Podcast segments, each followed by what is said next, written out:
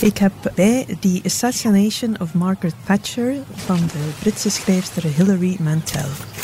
Wel, het is een verhalenbundel. Een van de verhalen gaat effectief op de, over de moord op Margaret Thatcher, de, de geliefde en gehate Britse premier. Vanuit een Londense flat wordt ze door een, een, ja, een soort huurling, het is niet echt duidelijk door wie dat ze vermoord wordt, maar het, het, het bijzondere aan het verhaal is dat de bewoonster van de flat wordt eigenlijk gegijzeld.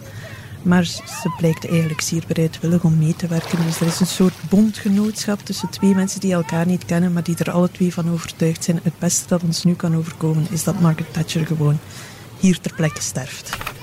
De moord op Margaret Thatcher is, is maar één verhaal, maar er staat een ander zeer beklijvend verhaal in, The School of English. Het gaat over een uh, huishoudhulp die duidelijk iets misdaan heeft. In het loop van het verhaal ontdek je wat. En ontdek je vooral dat zij niet de dader is, maar het slachtoffer. En het blijft echt heel lang in de kleren hangen.